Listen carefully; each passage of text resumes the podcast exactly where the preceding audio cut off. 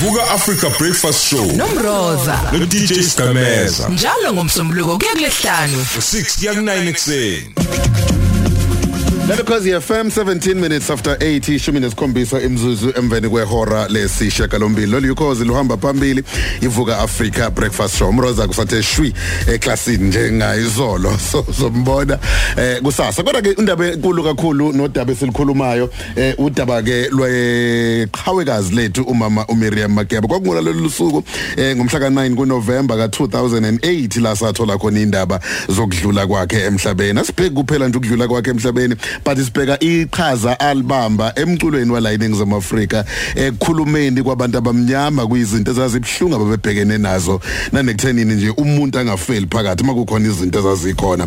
Ukumbheka kahle yena nemsebenzi yakhe sakubukela ke elinye ke lamaqhawe elisadla nhlamvana ubaba uSipho Hostix Mabuse. Baba Mabuse sikubingelele sibamukele ku cause ekseni ngiyabonga sanibona nje nabalala empeni lapho ukhozi ngicela ukubuza ukuthi kanje ukhuluma nobani namhlanje. Unosidemeza namuhla. Oh. Hey siyakuthanda kule show eh nje yazi abantu banokungifonela bangitshela ukuthi hawu umroza bekaqede ngelanga elithize ngithi hey ba. Yebo. Ya akube nje kumnandi nje ukuthandwa abantu. Siyabonga siyabonga. Ngithemba nje ukuthi nami ke luthando ngilithole ebantwini ngiyalibuyiselwa ebantwini. Injalo injalo. Ibirthday yakhe asiyikhohlwa yonke into zakho suke sizazi ingakho ingakho bekutshela ukuthi sihlale sikhuluma ngawe Okay, you yabo. Eh, namuhla ngifuna ke sihlehle kancane ke sibheke elinye lamaqhawekazi ake aphila ogama lakhe lisasele naye umama uMiriam Makeba. Umazi kanjani uqale nini ukumazi? Yo, ungaqala ukwazi uba Miriam kahle kahle nje ngisaseyingane ngithi ngivela uma Miriam ube ube uye nje iqhawe elayicula besefike seseyingane in other words ngathi nje uye umuntu wasi eh wase inspire kulo mculo. Yeah. emculweni kakhulu kunye nama Manhattan Brothers no Brahim Masikela Bobrakipi kanjalo ke so ngasho nje ngithi nje umama umazi ngathi uma ngithi umazi wazi ukuthi ngeke ngikhuluma ngoma Miriam Makeba ngoba sasimbiza umazi sonke ngesikhathi esiningi. Eh uyeke umuntu asinspire ukuthi ubuningi bethu nje singene emculweni. So ke kodwa ke ukumazi ngo kaqala usebenza naye ngo 1980 uma beza beza la eSouthern Africa no Brazil eLesotho. Saqala ke lapho ke ubudlelwano obabukhulu kakhulu. Hayi lo budlelwane bahamba bahamba kuze kube nengoma ngiyofisa siyidlale ngaphambi kokuthi siqede ethi mama. So mama. mm umculo wakhe wahamba kwaze kwakhona ikhathi la kuthiwa khona hayi uhulumeni wawubusa lezo sikhathi uyawubhena manje. Eh kakhulu nje. Kodwa ke kumele sazi ukuthi ngaleso sikhathi abantu bebangathi bangazi bangahambelani nombuso we-South Africa ngaleso sikhathi. Babebhena nje. Uyabona? Kodwa ke umazi yena indima ayidlala kakhulu ukuthi I think she was about 90 umeya e-United Nations ayokhuluma ngesimo sabantu. eSouth Africa. Uyabona? Ilakho ke amabhunu abona ukuthi cha lo mculi lo. In fact indima kaMiriam iyenza ukuthi amabhunu aqaphela ukuthi abaculi kaningi. Yibo abayingozi ngokuthi bakwazi ukuhambisa umlayezo esizweni ngobuningi. Uyabona? So umazi ke waqala lapho ke indaba zakhe zopolitika ngokuthi nje ayokhuluma ngesimo sabantu eh eningizimu Africa le United Nations. Ngakho ke umculo wakhe omningi asilabe sisawuzwa la eSouth Africa. Mm eh lapho njalo uqale neminyaka u19 wazi ukuthi hayi umuntu oyiseyingane lo?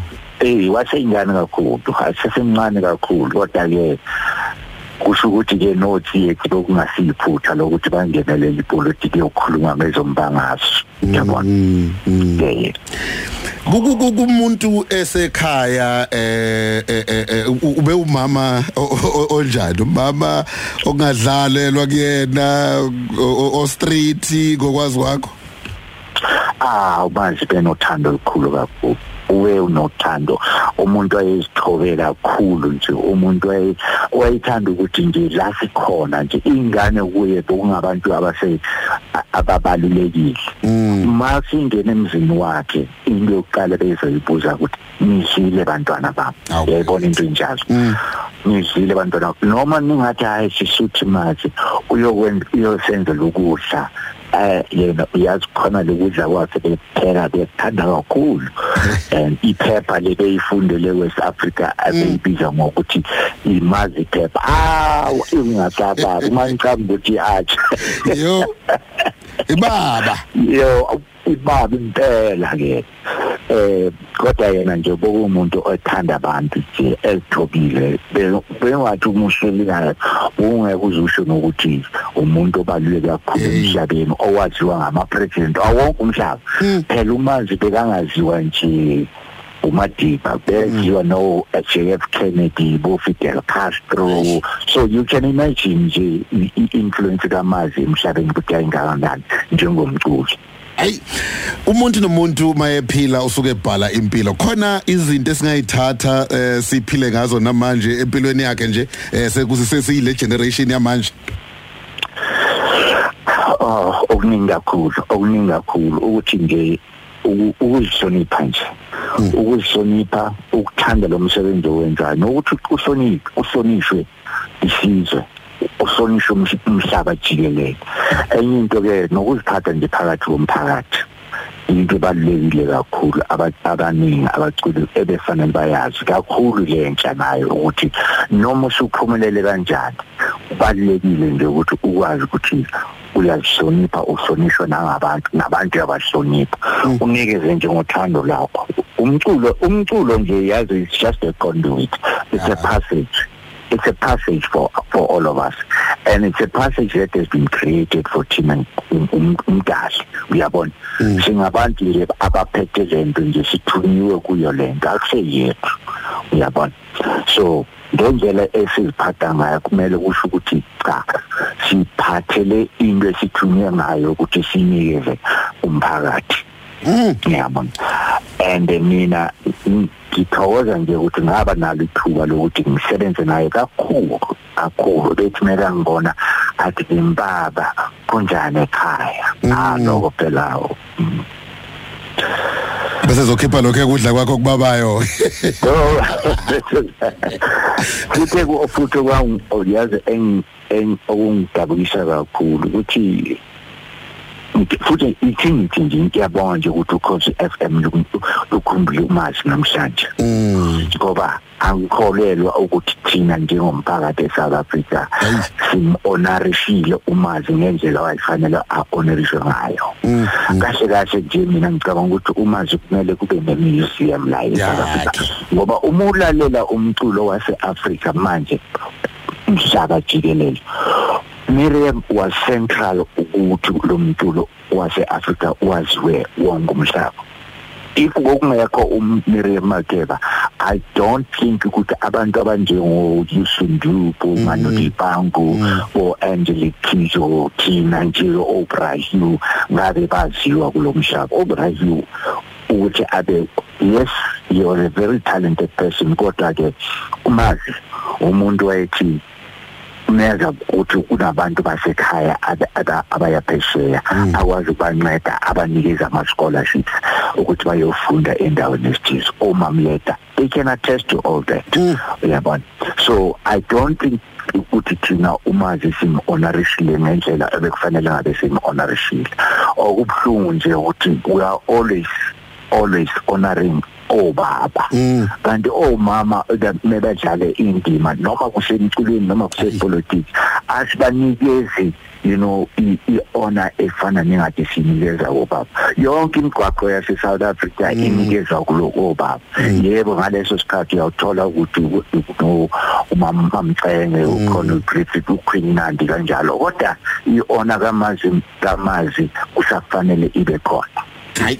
No sikuzwakala kahle cha asivale. Wagcina unenhlahla yokuthi nenze ingoma mama. Yaqhamuke kanjani le ngoma before sidlale oh ngan ngangi se Brussels umazi wayehlala eBrussels eh I think towards the end of her music ca- uh, career in her life. Yeah. wayehlala eBrussels ngangi recorder khona. Ngezwe ukuthi hawo umazi uhlala eBrussels. So wayene kungivakashela ngangise studio every day. And ngangahambe nabanye abaculi onjengo njengoba kithi Khumalo uSikhumalo kanjalo. Nje album yami ekuthiwa iChanto the Machine yeah.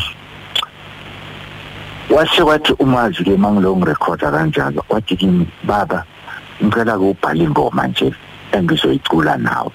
Ha oh waqala ngokuthi athi ucela ukuthi ngiproduce i-album yakhe ezayo. Ha.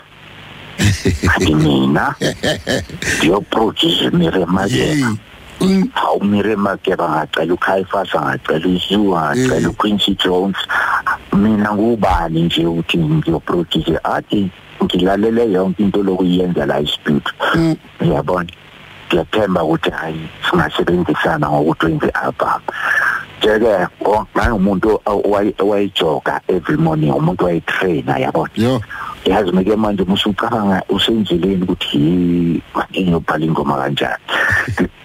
Shona esigangeni ngiyogijima endleleni ngiyacabanga ukuthi how can i what song can i write? I can't write a love song. Yes i can write a love song but maybe this love song should reflect the relationship yami noma wami Mm. uyabona? And indlela ke engayibhala ngayo hayi ngabuyele emuva ngigijima ngambika ngathi mazi mazi mazi mazi woza woza ngitholile ingoma ufuna si si record weza ngempela la khona uwe uza futhi esephethe ukudla. Yo. Ngiyadlala ke ipiano ngiyamdlalela ipiano ngiyacula.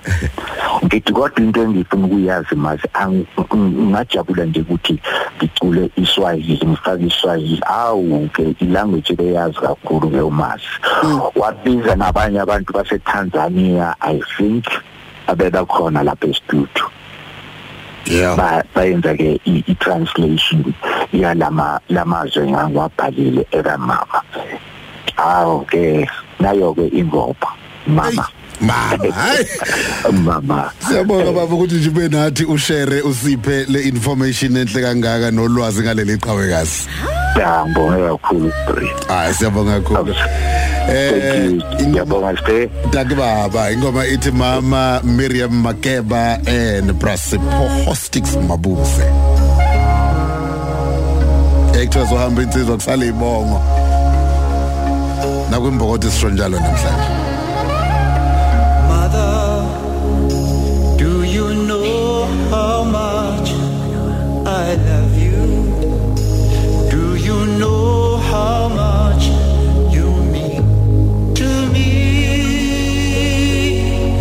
And